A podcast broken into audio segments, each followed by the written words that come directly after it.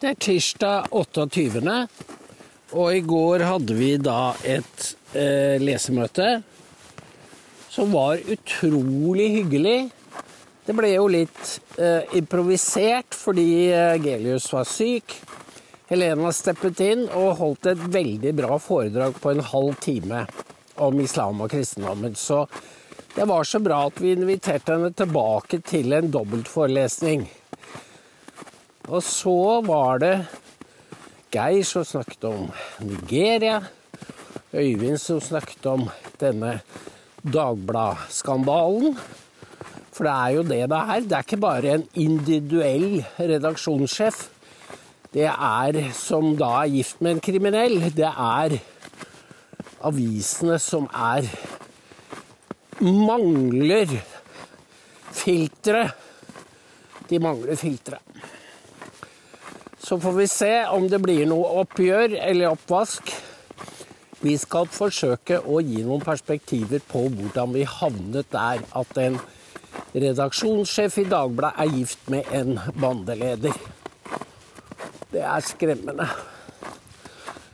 Og disse dommene da hvor dommeren tolker tiltalte i aller, aller beste mening det har å gjøre med feminiseringen av samfunnet og rettsvesenet og politiet.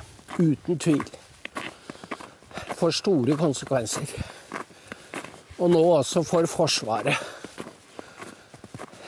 Men eh, det er jo ingen til å rope varsko.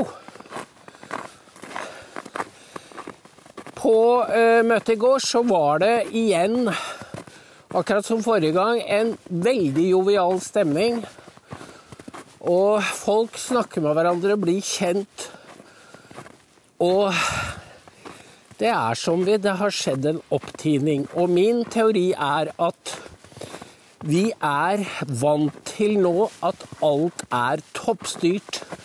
Hvis vi går på en sammenkomst med foredrag, så er det doseres det fra kateteret, og så stilles det aller nådigst noen spørsmål fra salen, og det er det.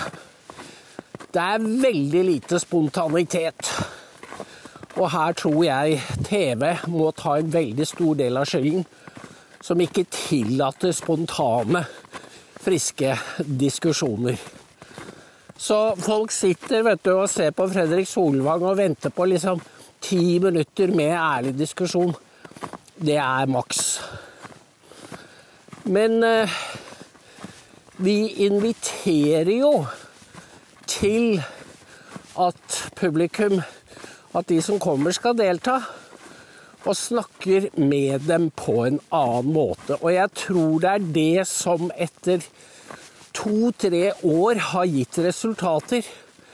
Så nå har folk begynt å bli ja, hjemme, hjemmevante i disse lokalene. Og det er begynnelsen på noe viktig. For det er, en, det er begynnelsen på tilbakeerobringen av sivilsamfunnet. Hvis folk ikke tør å si sin mening, så har vi ikke lenger noe sivilsamfunn. Og det er der Norge er nå. De som kommer Jeg snakket med noen de sier jo at eh, det er ordentlige folk. De har eh, ordentlige jobber. Og jeg sier da du verden, det var interessant. Den jobben din jeg vil gjerne høre mer om. Men Og jeg, de forteller, men er Kommer da og sier du må ikke antyde i skogpodden din, ikke engang anonymt, hva jeg driver med. Og jeg skjønner det godt, fordi Styresmaktene, høyt og lavt, de er paranoide. De er redd. De er redd for det de gjør med folk, og de aner ikke hvordan, hva stemningen er der ute.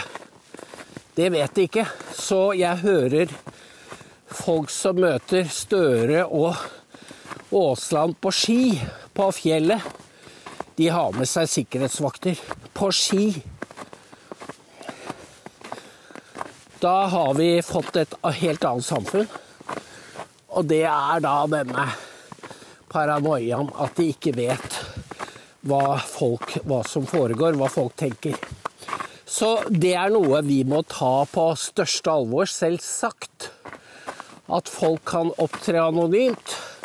At de kan skrive anonymt. Og at de ikke blir filmet på møtene. Det gjør Dan gjør veldig. Passe på å ikke filme de som stiller spørsmål, f.eks. Men det er klart Det legger veldig store begrensninger på vårt arbeid at folk ikke kan stå frem med fullt navn og fortelle hva de driver med. Det er et yrkesforbud i praksis som ikke bare gjelder den enkelte. Det gjelder alle som er i opposisjon til dagens styre. Og fordi det gjelder alle, så er det riktig å kalle dette styret for et regime. Og i det ligger det allerede en antydning om at de ikke tillater noe kritikk. Og det samme er tilfellet i USA. Der er det jo regelrett svindel. Men altså, også i Norge så ser du at de som styrer, gjør det i suveren forakt for de styrte. Og strøm og vindturbiner er jo bare to eksempler, for det gjelder mye annet. Se på innsparingene på Oslo universitetssykehus. Se på nedleggingen av Ullevål sykehus. Det er så de demonstrativt trøkker deg ned med tommelen i øyet på deg. Og det er, det er noe nytt. Jeg husker jo fra 60-tallet vi stilte krav, og det var demonstrasjoner og Men nå er det Nå er det noe annet. Eh, og derfor er det jeg bare sier at Terje Aasland han fortjener all den julingen han kan få av disse demonstrantene. Fordi han er den mest skruppelløse, kyniske av statsrådene, nest etter Vedum og Støre. Som altså har snakka skit, som nordlendingene sier. Han snakka skit nå i to år. Og han bryr seg ikke. Det er bare, som hun sametingspresidenten sa, det er bare bullshit. Bare tomprat. Og da De er så dumme òg, da, vet du, at For nå har de på en måte oversittet alle frister. Og når de nå prøver seg med samme samme gamle vise, så sier folk nå gidder vi ikke høre på deg mer. Jeg syns egentlig både samene og miljøaktivistene har vært veldig tålmodige. Jeg vet ikke om Støre er helt bevisstløs, men de han står opp imot, er jo da samene. Og de er en maktfaktor når det kommer til når de har vunnet i Høyesterett. Og det andre er jo natur og ungdom. Og uh, Gina Gylver er jo datter av Sunniva Gylver, som holdt på å bli biskop i Bergen. Hun er en venstreaktivist og både mor og datter, og disse er jo flinke folk. De er smarte, oppegående, intelligente mennesker og med et enormt kontaktnett. Så når Støre legger seg ut med disse middelklassens barn, så plasserer han seg i samme rolle som folk på høyresiden gjorde på 60-tallet. Og det gikk jo dårlig, men jeg tror ikke Støre i, har fantasi til å forestille seg at han nå er på reaksjonens side. Eller enda verre, han foregir å representere et grønt skifte, mens han altså dytter folk, samer og friluftsliv ned i myra. Og dette er jo Jo lenger de holder på med, med Fosen, jo større backlash kan det bli. Det var jo for bare et par uker siden om Utsira.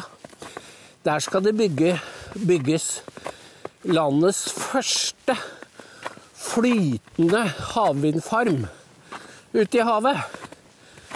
Og dette er, utenfor Utsira, er noe av Norges mest fuglerike områder. Og da kan du tenke deg, da blir det fuglefrikassé. Og dette tåler ikke Norge eller regjeringens renommé. Verken i forhold til egen befolkning eller utlandet. Virker ikke som om det går inn. Nå var det nylig utenfor New Jersey, Jersey på østkysten av USA, så har det i løpet av bare noen få uker drevet til land 22 hvaler. Og vi hadde en Det var en, en dame på uh, Waters World som fortalte hva disse Hva var det? Subliminale, eller um, frekvensene Hva de gjorde med styringssystemet til hvalene. De begynner jo å blø inn i hodet, inn i øregangene, og kan ikke navigere og gå på grunn og, og, og dør. Det er en klar sammenheng, og fordi der skal det bygges da også enorm vindfarm til havs. Og de driver med seismikk, vet du. De skyter og skyter, og hvalene dør. Hvis de tror at dette er noe som miljø, at myndighetene vil, vil uh, skaffe seg anseelse og tilhengere av, så må de jo tro om igjen. Fordi dette er jo rett og slett antinatur. Det er slakting av truede dyrearter. Men igjen, det synes ikke som om de bryr seg. Det er det. Og det er egentlig nokså uhyggelig. Så vi er Jeg er helt for disse demonstrantene, jeg, som beleirer Aasland og co. Fordi det er eh, Dette er jo Folkestyret kan gjenreises på mange måter. Og det er ikke nødvendigvis det du og jeg er opptatt av, for jeg er ikke same oppå i Trøndelag. Så det der kan jeg ikke sette meg inn i. Men jeg forstår jo at dette er veldig alvorlig for de som lever av reinsdyra. Selvsagt. Vi har jo disse vi har jo disse her monstrene stående oppå på fjellryggen her mot Odalen. Og det første jeg ser når jeg lukker opp øya, siste jeg ser, det er denne blinkinga. Og her, der står det jo disse plakatene. At du skal holde deg på i hvert fall 100 meters avstand. Fordi bladene, når de slipper is, så er det rene kastemaskiner som kan drepe et menneske hvis det treffer riktig. Og dette syns de det er ok å plassere ut i områder hvor folk går på ski. Altså, hvor er Det er den samme holdningen til problemene som Aasland legger for dagen. De snakker bare bullshit.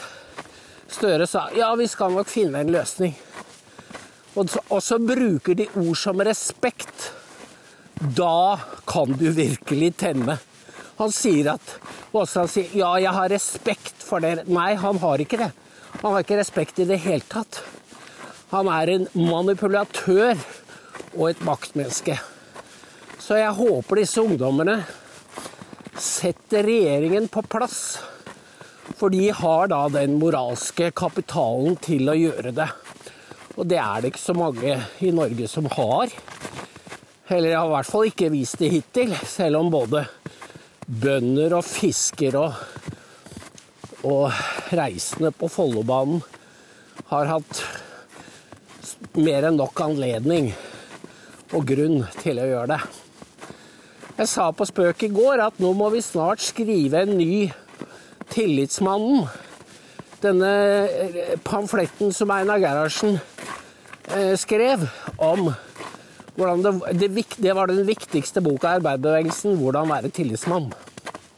Og her er det noen tråder fra Hans Nilsen Hauge over til Markus Trane og arbeiderbevegelsen og folkeavstemningene som handler om norsk suverenitet, som er i, ikke bare i fare, men som er i ferd med å gli ut av hendene våre.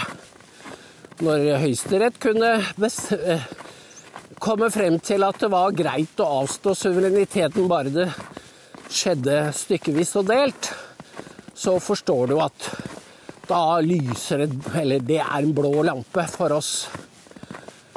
Og derfor er enhver kamp for å bevare suvereniteten og eh, respekten for rettsstaten, for det er det Fosen handler om. Det handler om rettsstaten. Og jeg tror det at regjeringen setter seg opp mot Høyesterett, sier jo alt om hvem de er, og hva de står for. Takk for i dag.